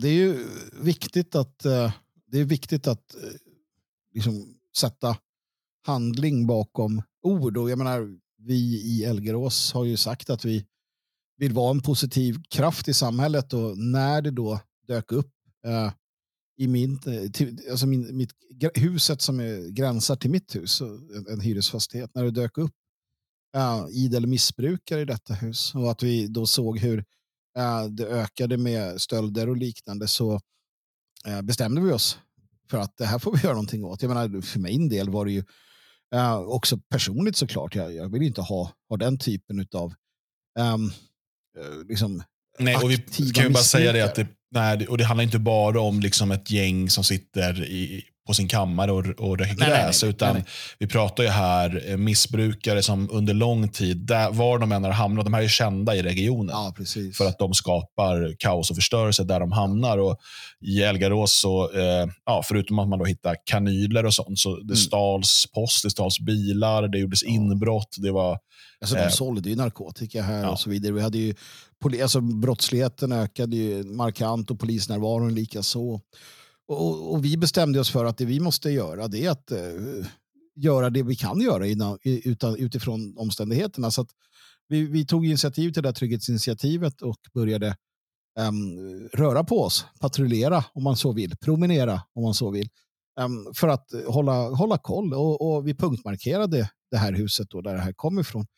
Um, och vi fick ju ovett såklart uh, från både Mariestadstidningen Ja, men framför allt från dagens ETC som kom ner med, med ett, helt, ett helt team för att eh, ta då missbrukarnas eller kriminellas sida såklart. Um, massa, an, massa anklagelser om att jag varför det, de ställde sig någon form av retorisk fråga för det, brinn, varför det kom rök ur min balkong eller min eh, skorsten och sådana där saker. Jag vet inte, väldigt konstigt. Hävdade att jag stod med kikare och tjuvkikade på de här. Och de hävdade att vi hade gått in och tagit sönder saker i huset och att vi skrämde dem och så vidare. Uh, vilket naturligtvis inte är sant på något som helst sätt, skulle vi aldrig göra. Uh, däremot så, så ägnade vi oss åt då, uh, eh, att, att hålla koll och, och, ringa polisen och störa verksamheten så mycket vi bara kunde. Jag, jag hade ju väldigt bra eftersom jag bodde granne med dem så jag kunde ju störa så mycket så mycket jag liksom kunde stå och titta och, och, och, naturligtvis ringa in då hela tiden om det är någon fuffen som pågår och sådär. Och, ja, alltså resultatet som du sa var ju fantastiskt. Det tog inte ens ett år och sen så var de borta härifrån. Um, det, det, är liksom numera uh, löst helt enkelt och, och, och, bra. Vi har ju också ett, haft ett jättebra samarbete med um, fastighetsägaren uh, under hela under hela tiden en, en, eh, en, en vad heter det, kalaspuffsmagnat från Damaskus det var, var det Dagens ETC som beskrev honom så? Eller det var ja, det, det, var, ja. Han, hade, han, han, han drev ett företag där han tillverkade kalaspuffar. Jag pratade med honom och det stämmer. Han, han, gjorde, han gjorde flingor i Damaskus. Um, så att han har vi haft jättebra uh, kontakter med nu. Och nu hjälps vi åt här framledes. För och hur stort kommer... är problemet nu? med, med ja, det är, Nu finns det inget problem längre. Det är obefintligt. Uh, så du menar att, du menar att um, lokalt engagemang och uthållighet uh, och nätverkande lokalt sådär, det, det, får alltså effekter? Det får jättebra effekter. Uh, jättebra effekter dels i, i, i, det att det faktiskt löses då problemet. Om, det, det, det som krävs är att människor är rakryggade och inte ägnar sig åt passiv aggressiv liksom, sådär, utan att man, man står där och, och, och förklarar ganska tydligt att ni inte är välkomna här. Mm. Um, och och så. Samt att du då eh, genom att vara ett föredöme så, så kommer folk tycka att det är en bra idé. Då hjälper de till eller sluter upp. Eh, vi, vi hade som sagt bra, bra eh, relationer med eh, fastighetsägaren så att nu hjälps vi åt när det är nya hyresgäster. Eh, vi hjälper åt och tittar, eh, liksom bakgrundskollar så att vi får in bra människor helt enkelt. Um, och med polisen har vi i alla fall den patrullerande polisen, polischefen, han tyckte att det fanns inte alls några problem i Elgarås. Men med patrullerande poliser så har vi fått väldigt mycket eh, bättre kontakt också. Eh, för de har varit här så pass mycket och man har liksom börjat prata med dem. och Så, där. så att, eh, Generellt sett så har vi liksom inte märkt något negativt av det här alls utan snarare tvärtom. Nu, nu kan vi äntligen andas ut igen och ja, eh, hålla, hålla, hålla ögonen öppna efter nästa eventuella, förhoppningsvis inget nytt problem. Mm. Ja, nej, och det är väldigt eh, glädjande att se um, det här, att det blev ett resultat av det också. Det blev inte bara ett, ett initiativ som uh, rann ut i sanden, utan det har ju skapat de här nätverken och kontakterna och dessutom då uppnått uh, det här resultatet. Sen är det väl, uh, nu drivs ju trygghetsinitiativet av, av människor på orten utanför föreningen. Ja. och men, men det är ju ett initiativ som, som lever och, och som kanske framförallt dyker upp eh, när det behövs. Men så är det absolut. Uh, men, och det är det här som jag alltid önskar att jag kunde få människor att förstå. Alltså, jag hör ofta man pratar med, med folk som säger så här, ja men där jag bor det är så mycket så här och det är så här och det är så här. Och då tänker jag att varför accepteras detta? För att där jag bor så har vi inte de problemen. Och när det dyker upp problem så löser vi dem gemensamt. Och vi har möjligheten. Eh, och, och, jag blir bara, jag blir liksom, varje gång så blir jag eh, lite, jag blir ledsen när folk säger, ja men vi har så mycket problem med det här. Ja, eh, vi hade också problem. Som sagt, vi löste det. Det är det man gör här. Det är det, det, är det vi gör. Vi löser saker. Eh, och antingen så börjar man ta itu med problemen som man upplever där man bor tillsammans med, med människor. Eller så flyttar man därifrån och blir en del av lösningen på problemet. Eh, jag menar, jag kan inte tänka mig en tryggare plats än där jag befinner mig just nu. Jag menar, inom, inom ett stenkast har jag åtskilliga med, med nationalister. Alltså, på daglig basis som, som finns här och, och vi hjälps åt. Jag, jag fattar liksom inte hur man, um, hur man inte vill vara en del av det som händer. För det, det, är uppenbart att många inte känner sig liksom kallade till detta. Och det, det är för mig ett, eh, det är ja, eh, någonting jag brottas med för att förstå. Ja. Um, jag tänker att vi ska dyka ner i mainstream-samhället igen. Uh, och vi ska göra det genom att titta på nyordslistan för 2023. Oh, vad kul. Um, ja, du gillar ju ord och språk. Och ja, men jag, absolut. Jag älskar ord. Så du är inte emot att det kommer nya ord? Nej, för tusan. Det, det, det behövs, eh, det behövs nya ord. Ja. Men ibland så. Jag såg att uh, Fredrik Lindström har varit ute och kritiserat nyordslistan. Ja, uh, han menar att det här är inte nya ord ni håller på med. Det är bara Nej. vanlig liksom, språklig kreativitet. Alltså man sätter ihop två ord eller sådär. Mm. Sånt som pågår hela tiden. Just det. Eh, och att eh, det är nog inte ens 10% av orden som liksom överlever någonting, utan det är bara att eh, ja. Så att, och jag, jag, är nog beredd att hålla med när jag tittar på de här så kallade nyorden. Mm. Till exempel ja. Barbenheimer. Barbenheimer. Ja. Minns du detta? Ja. Alltså, alltså jag, jag tänker på Oppenheimer och filmen, men Barbenheimer. Jag har ingen... Ja, det är ju det att man då slog ihop de två filmerna. Det är möjligt att det här begreppet kommer le leva kvar, precis som man pratar om Barbara Streisand-effekten. Ah, ja, eh, och Barbenheimer då, eh, det är då, man slår ihop filmerna Oppenheimer och Barbie, eh, som ju kom samtidigt. Ah. Och tillsammans blev de ett kulturellt fenomen. Eh, genom att man tog ställning för vilken som var bäst film ungefär. Nej, men det blev ju inte det. Alltså, det var ju inte någon större, större sak i kulturvärlden känner jag. Det var en jättestor sak i kultur, ut, alltså i populärkulturen. Den där Jaha, du... men det är ju inte kulturvärlden. det är ju inte på riktigt. Eh, och då kanske att det är ett begrepp som kommer leva kvar. Att det, här, det blev en Barbenheimer så att säga. Ja, att man då nästa gång lyfter det på samma sätt. Det är ja. möjligt, alltså, såklart. Eh, det återstår ju att se, men att, att kvalificera in som ett nyord, nej. Det, det är ett begrepp i sådana fall. Jag, jag, där håller jag väl med kanske då Lindström. Då, i sådana fall. Tycker du om eh, ordet bubbelhoppa? Eh, det känns som något man gör på någon form av swingersklubb där det finns en massa eh, bubbelbadkar. Att man hoppar mellan dem och gör grejer. Det är det jag tänker på. Det kan vara jag, men jag har ingen aning om vad det skulle kunna vara. Ah, Det ingen. kom faktiskt en bok som hette Bubbelhoppa eh, hösten 2023. Ehm, så att Läser på så sätt har det ju använts. Eh, så här beskrevs det i tidningen Må bra den 15 juni i år. Att prata med en främling på bussen, låt slumpen avgöra din umgängeskrets och var nyfiken. Begreppet att bubbelhoppa handlar om att lämna sin egen bubbla och lära sig förstå andra. Aha, sån bubbla ja. Just det. Ja. Eh, känner inte till, men jag, jag gillar ju eh, jag gillar själva grundförutsättningen för ordet. Alltså att, eh, att, att, att interagera med helt okända människor.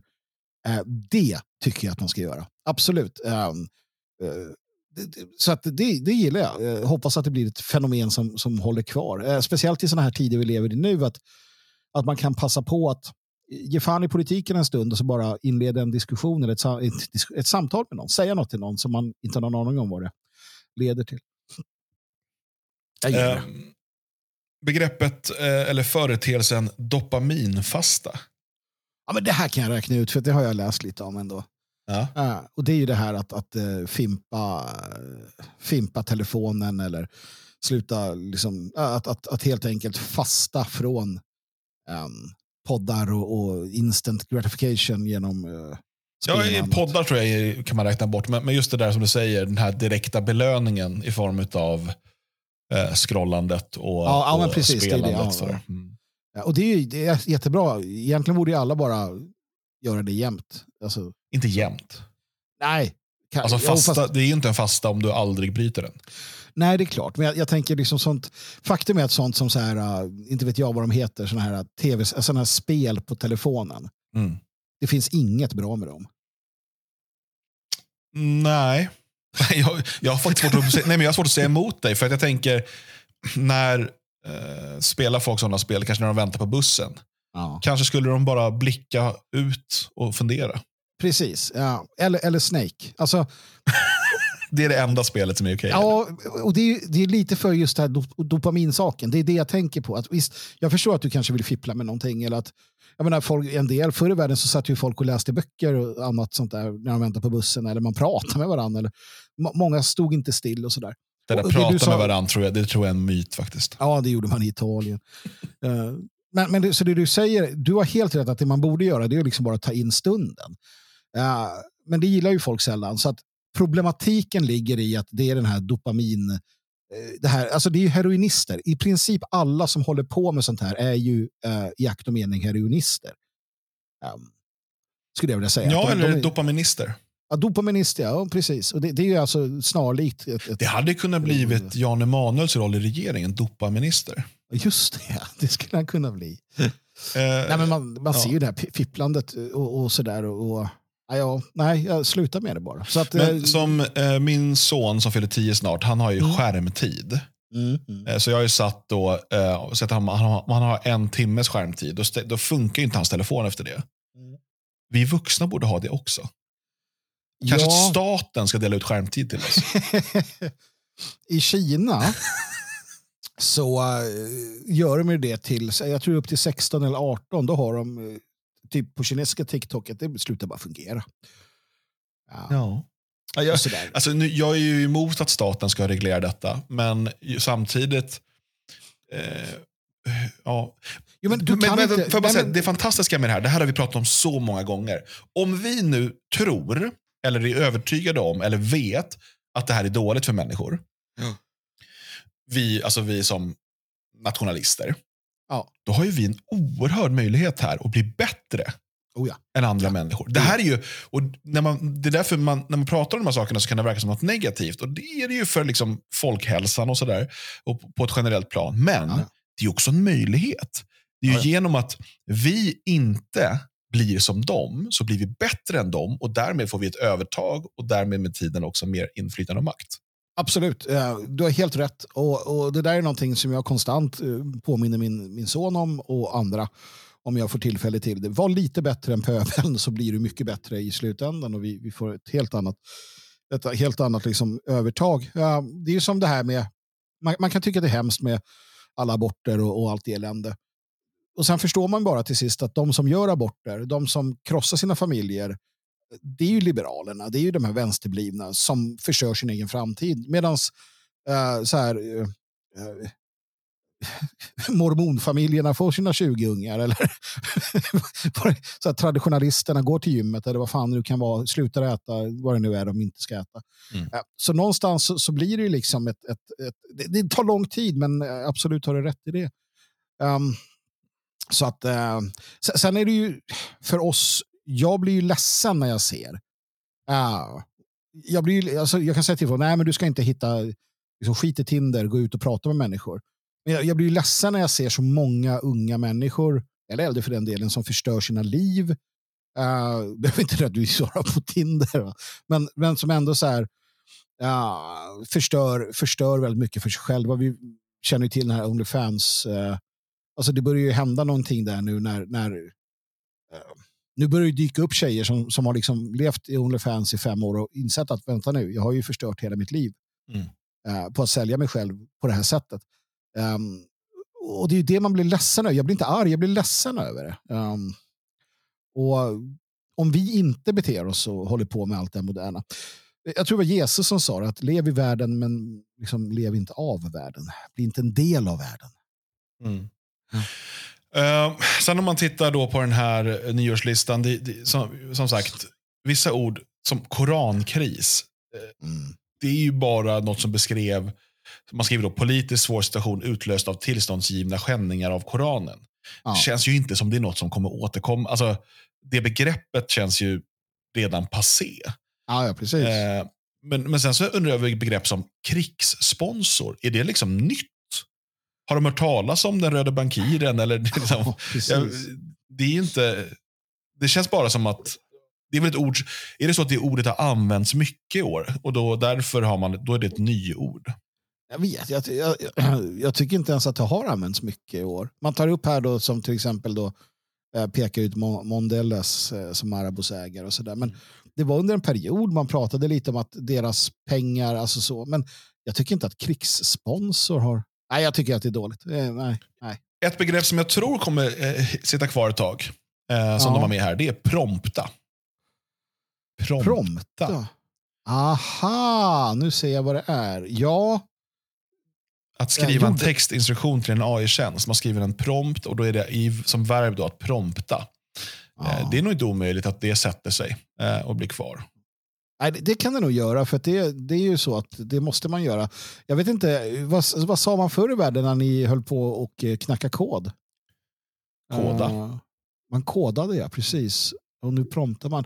Uh, nej, men varför inte? Det kan nog stanna. Jag tänker också att en del AI-relaterade begrepp framledes kommer kunna bli um, den här typen av saker som du måste förstå för att det inte blir liksom, eh, eller det kommer vara ett övertag för dig om du förstår hur det fungerar. Vad tror du om vild graviditet? ja, det, det, känns det känns ju jävligt... Eh, jag vet inte vad jag tror om det. Det, känns det är alltså då, det är tydligen någon trend nu. Alltså det är en graviditet som genomförs helt utan kontakt med vården. Ja. Uh, jag gillar ju när man är lite så här. Jag har ju alltid haft en idé om att du ska svartföda barn. Uppfostra en armé som, som staten inte känner till. Jag tror att um, Södermans har en vild graviditet pågående. ja, precis.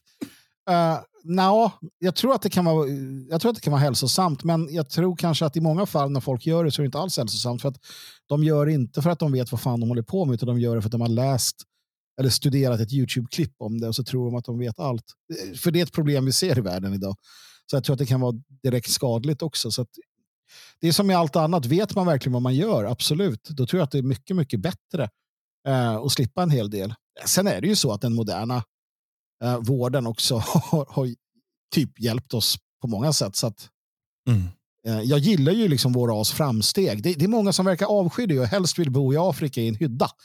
Um, jag gillar att, att vi flyttar fram positionerna hela tiden. Det är liksom en del av vår faustiska själ. Mm.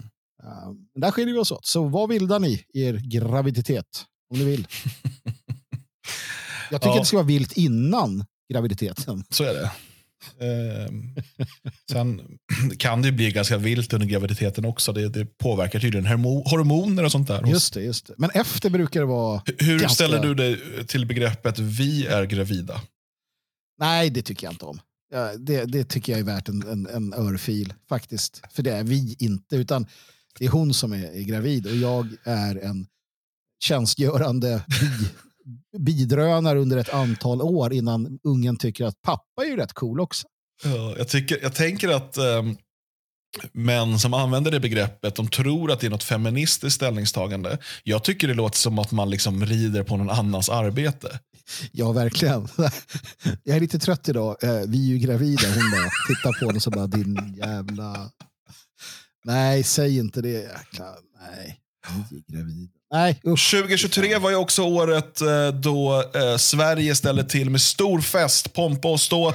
Eh, vi firade att det var 500 år sedan Gustav Vasa kröntes till kung över Sverige, gjorde slut på Kalmarunionen, la grunden för reformationen och den svenska identitet som vi känner den idag.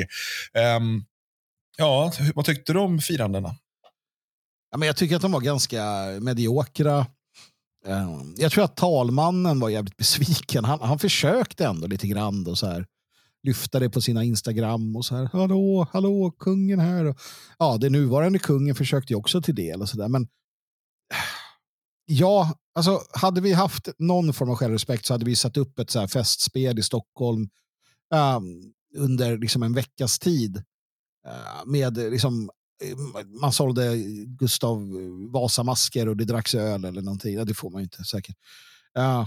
Nej, men, du, vi, du vet, vi, vi typ offrar danskar eller någonting. Ja, men späka smålänningar och ja, sådär. Ja, för att skoja till det lite. Men det gjorde man ju inte, utan det var väldigt sådär. Blä, såklart. Nej, som allt annat.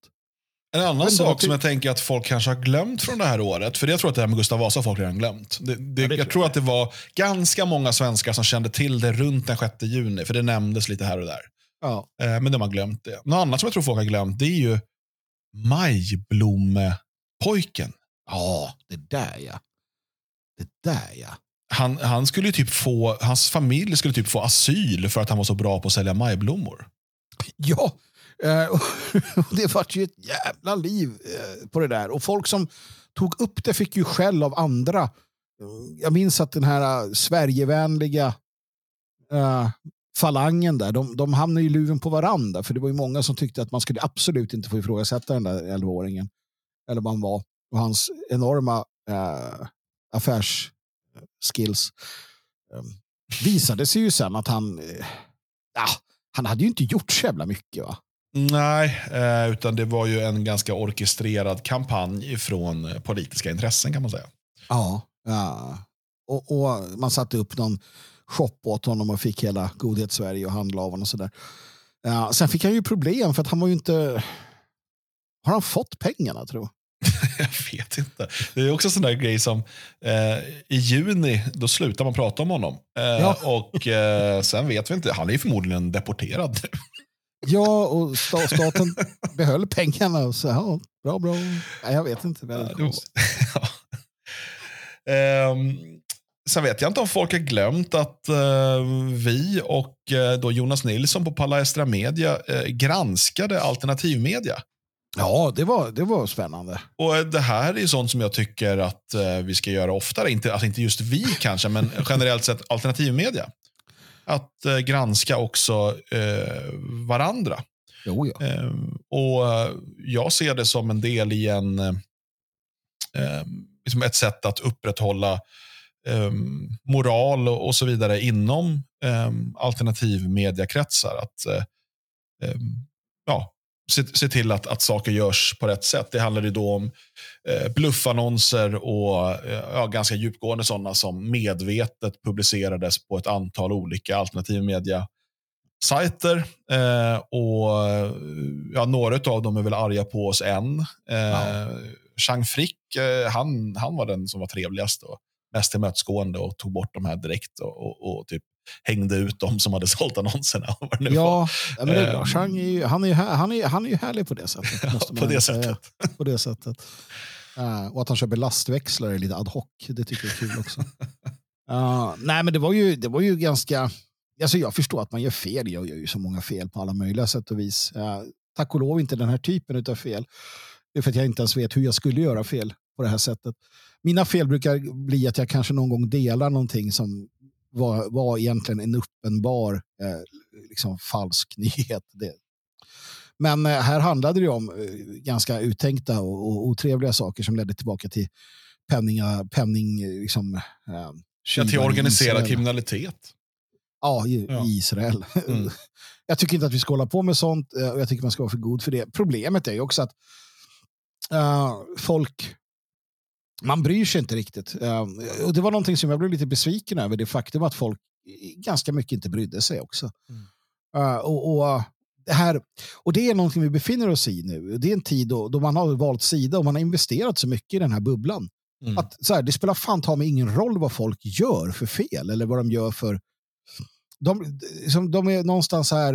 Uh, oh, uh, ja, man, man, man, man accepterar vad som helst och det där är helt, för mig är det helt främmande. Jag, jag kan uppskatta en människa uh, samtidigt som jag kritiserar dem på andra sätt och så vidare. Mm. Men nu är det så, den här bubbel, ja, bubbelvärlden är fan uh, lite efterbliven. Den man älskar agar man. Så är det. och det där märks ju i eh, diskussionerna kring i stort sett alla konflikter som liksom har blivit en del av de här väldigt fasta skyttegravarna. Och Ofta är de så kopierade från en amerikansk kontext. Mm. Eh, som gör att det är egentligen oförståeligt i Sverige. Om, om vi tittar på Ryssland, Ukraina, Israel, Palestina, eh, som vi började med att tala om, eh, men också då eh, även kulturkrigsfrågor och så vidare, som bara är någon kopia av samma sak som sker i USA. Um, det såg vi inte minst med liksom Black Lives Matter, ja. hur man liksom försökte få in någon typ av slaveridebatt i Sverige och liksom kopiera retorik ifrån, ifrån USA. Uh, och uh, Samma då när vi pratar Ryssland och Ukraina, hur um, liksom mot, man kopierar republikansk uh, amerikansk retorik till en typ invandringskritisk rörelse i Sverige eh, när det gäller konflikten Ukraina-Ryssland. Som att vi liksom, vare sig geografiskt, eller politiskt eller kulturellt, alltså vi, vi, inget av det så är vi lika som USA. Eh, det finns massa olika anledningar till att vi inte kan bara kopiera deras argumentation. Men man har grävt ner sig i skyttegravarna och internet har ju gjort den här politiska eh, kampen, kulturkriget och så vidare global. Och plötsligt då så hamnar man så att ja, men nu, nu tycker min sida på internet, och jag följer den här, ofta då amerikanen, på YouTube eller hans podcast eller hans Twitter eller vad det nu är. Och Han har sagt så här och då tycker jag också så. Och så hamnar man i de här väldigt eh, fasta eh, skyttegravarna. Och, och, och, så blir det nästan eh, patetiskt. Jag har försökt skriva en del om det här i år och vi har pratat en del om det. Så här, vikten av att våga ompröva sina egna ställningstaganden, att våga kritisera det som man själv har tagit för givet som sanningar ehm, och, och, vrida och vända på de här sakerna. Och Jag förstår att det kanske inte är alltid det taktiskt rätta för den som bara vill gå framåt som en bulldozer. Men jag är inte bara, intress jag är inte bara intresserad av att eh, liksom, vad ska man säga, få rätt, utan också av att ha rätt. Mm. Jo, um Precis. Och Det finns ju ett, ett bekymmer i att som sagt, man, man, ehm, man finns till exempel på X. Och jag ser ju för många är X då i det här fallet deras arena och det är där de agerar och sen tror man att bara för att man har medvind eh, där så är det på ett visst sätt i samhället. Mm. Sanningen är ju den att de flesta svenskar inte använder X. Um, och De flesta svenskar kanske konsumerar YouTube. Men det är inte så att de använder det på det sättet. Det finns några här och där som sitter på tok för länge och tittar på allting. Och Det är det här att man får inte man får inte fastna på redaktionen. Man får inte fastna framför sin telefon och bara eh, själv då konsumera nyheter för att sen analysera och sen ge ut. Uh, utan för, för då blir man som jag blir ibland. Eh, för att jag hamnar också där. Men då blir jag när jag väl um, går ut i världen Mm. och träffar liksom, andra föräldrar eller vad det kan vara och inser att jag är ju den som inte hänger med. Blir, det är svårt att anpassa sitt samtal för att jag, jag vill prata om den senaste, vad det nu kan vara, men de har ingen aning om vad jag pratar om. Nej. För att de har inte haft tid att sitta eh, med eh, liksom, nyheterna eller något obskyrt konto någonstans. Jag tänkte på det, jag lyssnade på Ivar Arpis podcast om, eh, han intervjuade en skolforskare nu, det kommer bara för några dagar sedan, Ja. eh, angående PISA-resultaten och att den svenska skolan inte alls är så dålig och att man måste jämföra lika med lika. Ehm, och tar man bort liksom invandringens konsekvenser så är typ svenska skolan en av de som går allra bäst för. Ja. Eh, alltså har bäst utveckling. Eh, och då tänkte jag på det att jag har ju, och, och då skulle jag kunna nörda ner mig i det där och få massa argument för varför det är fel. För att det jag har hört från som du säger, andra föräldrar eller eh, när jag har varit på liksom, träningar med grabben och sådär och pratat med folk där.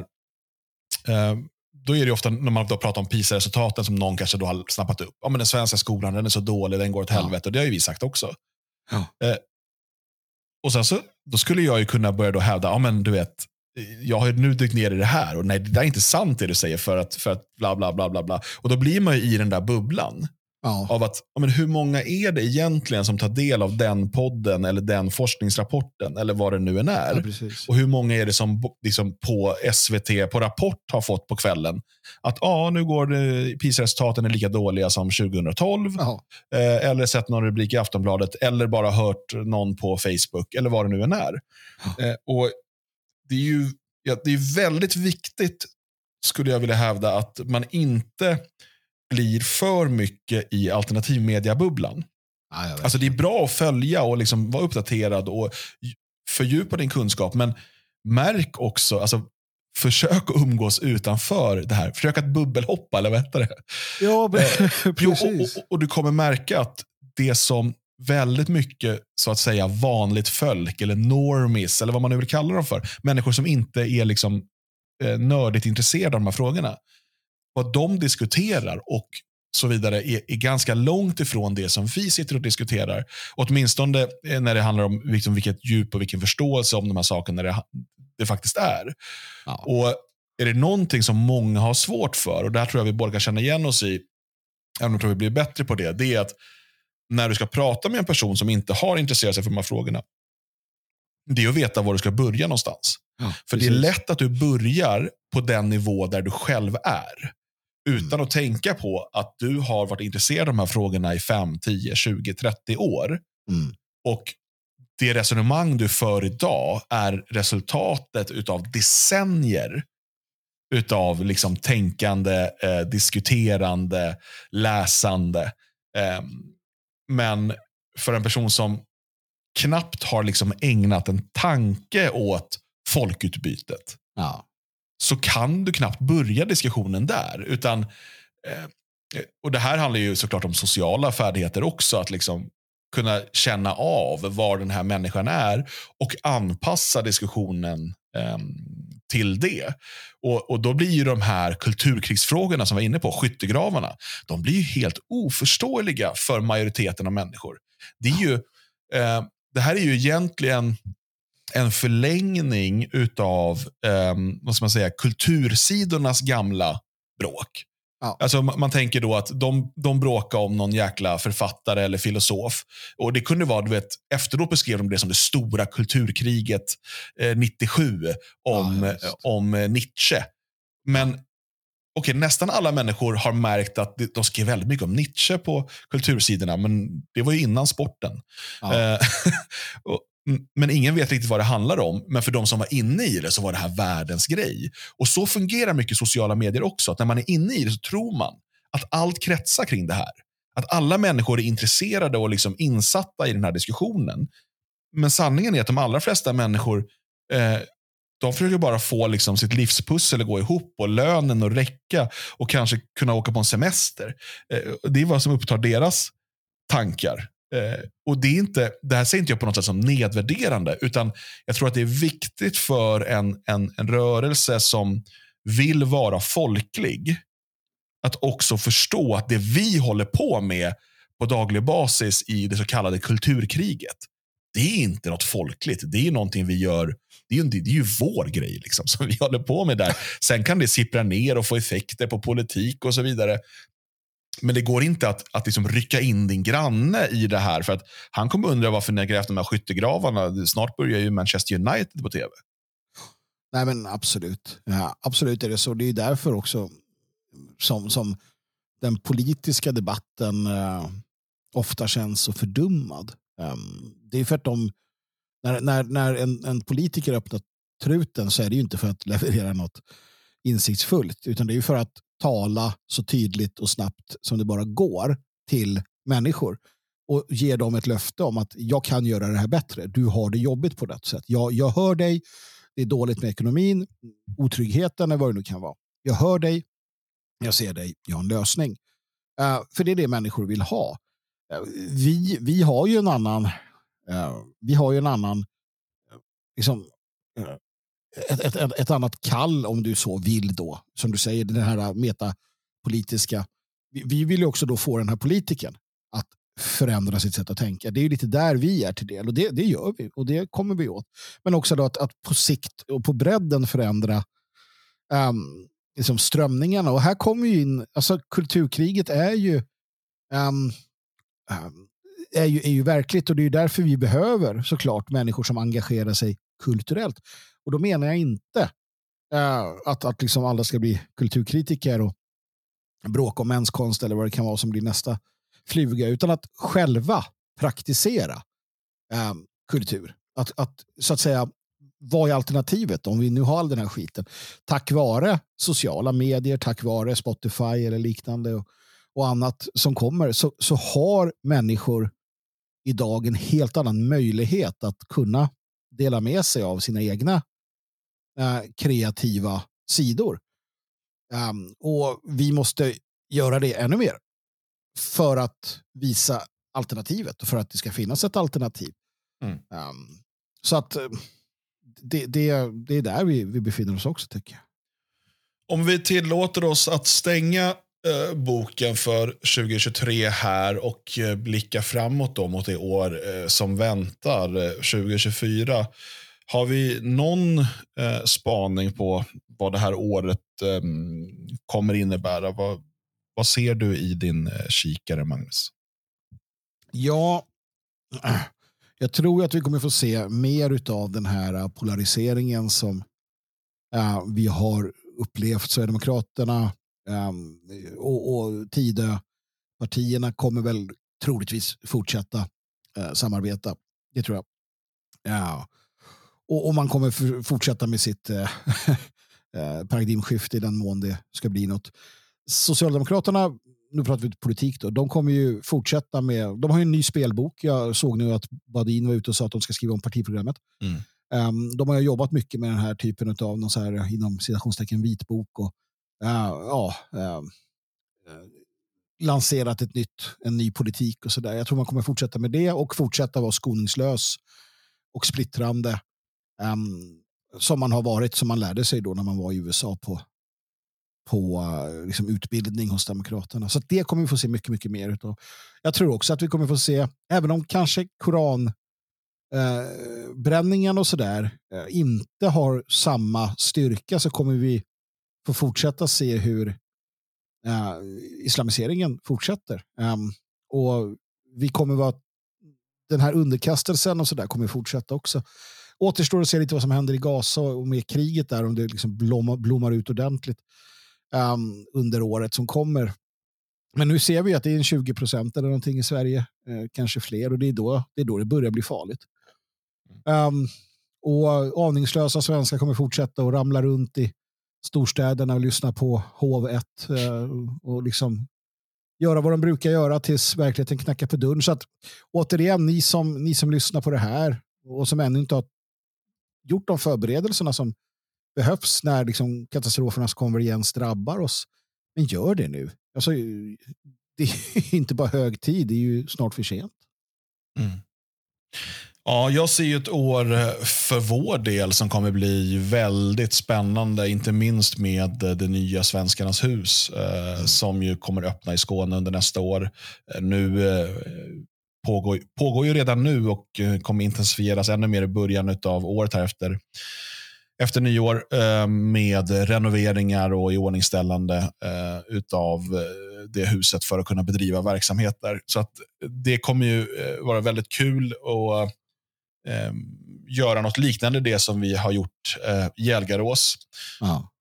Eh, och med detta kommer ju väldigt mycket annat roligt eh, med föreningen Det fria Sverige, inte minst tack vare den nya hemsidan där det uppdateras eh, löpande med artiklar och poddar och, och korta kommentarer.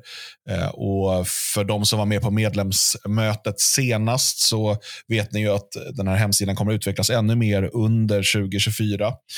Eh, så att vi har ju ett spännande år eh, med eh, vind i seglen verkligen. Och mm. det det ser man fram emot att börja jobba med. Jag fick lite skäll här på annandagen när jag sa att jag var jobbsugen. Eh, jag hade ju lovat att vara ledig då på juldagen och annandagen. Eh, ja. Alltså ledig som i att bara, bara sköta bokföring, mejl och eh, eh, ja, hjälpa till att publicera artikel då på, ja, på hemsidan. Eh, men så på annandagen, nu är jag jobbsugen, formulerade jag det. Och Det var arga blickar och eh, oförstående suckar och sånt. Men det är för att det finns ju så mycket kul att göra och då känns det som att varje dag man inte gör det, så ja, det, ja dumt. Ja, det är ju så att vi, alltså med det fria Sverige och, och det arbete vi gör, det nya huset, nummer två i ordningen och så, så känner jag också att alltså, man lägger ju en grund för framtiden. Vi har ju hela tiden sagt det här att DFS det är ett generationsprojekt. Vi, vi bygger grunden. Vi gör det så gott vi kan. Eh, sen får andra ta vid. Och att efterlämna sig någonting. För mig det har blivit så mycket mer, jag har tänkt mycket på sådana här saker. Liksom och så. Och hela den här med liksom förfäderna och att lämna någonting bakom sig. och Tacka, eh, tacka för det vi fick genom att just eh, göra det. det. det. blir så påtagligt. Um, jag menar, vi har jobbat, du och jag, med, med liksom ord och, och Eh, demonstrationer och liknande i alla år. Nu, nu gör vi ju någonting handfast um, skapar, skapar någonting som blir, blir kvar tillsammans med alla medlemmar. Och jag vill någonstans inskärpa, ingjuta eller få er att känna på samma sätt där att det här är någonting som, vi liksom, som blir bestående på ett helt annat sätt. Um, så att jag ser verkligen fram emot att få um, besöka Svenskarnas hus i, i Skåne och insupa det faktum att vi, vi gjorde det. Fan ta mig, vi gjorde det. Vi gjorde det första gången och vi gjorde det andra gången. Um, och, det finns liksom ingen gräns på detta. Vi ska, vi ska fortsätta med, med att bygga den här folkrörelsen um, på det sättet som vi, vi har börjat. Mm. Och Något annat som jag ser i kikaren och det kommer nog märkas redan 2024 det är ju en, inte bara ökad polarisering mellan eh, politiska grupper i Sverige, utan ökade etniska spänningar. Eh, vi har sett början på det eh, mycket i år, eh, även om det liksom legat och bubblat hela tiden. Men nu när Sverigedemokraterna trycker på regeringen att också liksom börja åtminstone, alltså även om det bara är små saker, men man börjar liksom säga ifrån. För att mm. Under decennier så har svenskarna, eh, framförallt via våra så kallade politiska företrädare, bara tagit emot, tagit emot, tagit emot. Svenskfientligheten, islamiseringen och så vidare. Men nu börjar den, inte bita ifrån, men eh, morra. Ja. Den politiska liksom, representationen börjar morra lite sådär lätt, lite jama lite i ett hörn. och eh, Det märks på eh, stora delar av invandrargrupperna att de är oroliga för det här. Och Det tror jag kommer leda till ökade spänningar och kanske även konfrontationer. Jag tror tyvärr, inte för att jag hoppas på det, jag vill inte det, men jag tror tyvärr att vi också inom inte en alltför um, lång framtid kommer få se terrordåd i Sverige. Eh, och att vi kommer få se våra, framförallt och storstäder och storstadsområden bli ännu osäkrare eh, för människor i allmänhet och svenskar i synnerhet. Och Det är därför det känns också så, för även om det här jobbet att bygga upp eh, det fria Sverige och Svenskarnas hus och lokalföreningar, om det är kul, så känner jag också att det är bråttom. Ja. Det är ett generationsarbete, ja, men grunden behöver läggas nu. För det är mycket svårare att bygga en grund när allt runt omkring dig brinner. Mm. Så att eh, den behövs byggas nu så att vi är redo för eh, det som jag tror att de allra flesta som lyssnar på det här förstår eh, kommer komma. För att hur än politiken utvecklas nu, hur än Eh, liksom, hur hårt en regeringen och kanske nästa regering går på kriminella gäng, islamisering, eh, hur mycket man än stryper invandringen och även om man liksom påbörjar en, en ordentlig återvandring. Den tiden kommer innebära stora oroligheter och stora risker för svenskar som är i mångkulturella områden. Mm. Så att det behövs, den här omgrupperingen vi pratar om, att flytta närmare varandra eh, på ställen där vi kan ha kontrollen, precis som vi kunde visa med Trygghetsinitiativet i år. Och där vi kan bygga våra mötesplatser, där vi kan se till att bygga en gemenskap och våra nätverk. Den tiden är nu. Mm. Eh, och Det betyder inte att man liksom ger upp resten av Sverige eller att man ger upp politiken. Utan man måste ju förstå att de här sakerna sker parallellt. Mm. Mm. Nej, absolut. Jag har inget att tillägga till det. Nej, det brukar vara så när jag har pratat. eh, vi får väl passa på att eh, önska alla eh, som har lyssnat på detta ett eh, riktigt gott nytt år. Va? Så är vi tillbaka i början av nästa år. Vi kommer tillbaka med ordinarie sändningar, alltså direktsändning på tisdagar och podd på fredagar den 9 januari. Tisdag den 9 januari är det dags för direktsändning igen och då hoppas vi såklart att eh, ni är med oss. Eh, vi får se om det kanske kommer ut någon extra podd innan dess. Eh, det har vi inte bestämt än va? Ja, nej det har vi ju inte. Det, det, brukar, ju kunna, det brukar kunna bli så, vem vet. Men eh, om inte annat så, så, så ses vi och hörs vi då så får väl eh, ni alla som lyssnar ta lite, eh, vi är tacksamma för att ni lyssnade den här gången, men eh, nu får ni ta lite mer semester från allting och eh, ja, skåla in det nya året så hörs vi snart igen. Det gör vi. Och vi avslutar den här årskrönikan med det som egentligen är årets låt. I've been selling my soul, working all day, overtime hours bullshit pay so I can sit out here and waste my life away. Drag back home and drown my troubles away. It's a damn shame what the world's gotten to for people like me, people like you. Wish I could just wake up and it not be true, but it is. Oh, it is living in the new world with an old soul. These rich men north of Richmond, Lord knows they all just wanna have total control. Wanna know what you think, wanna know what you do, and they don't think you know, but I know that you do. Cause your dollar ain't shit, and it's taxed to no end.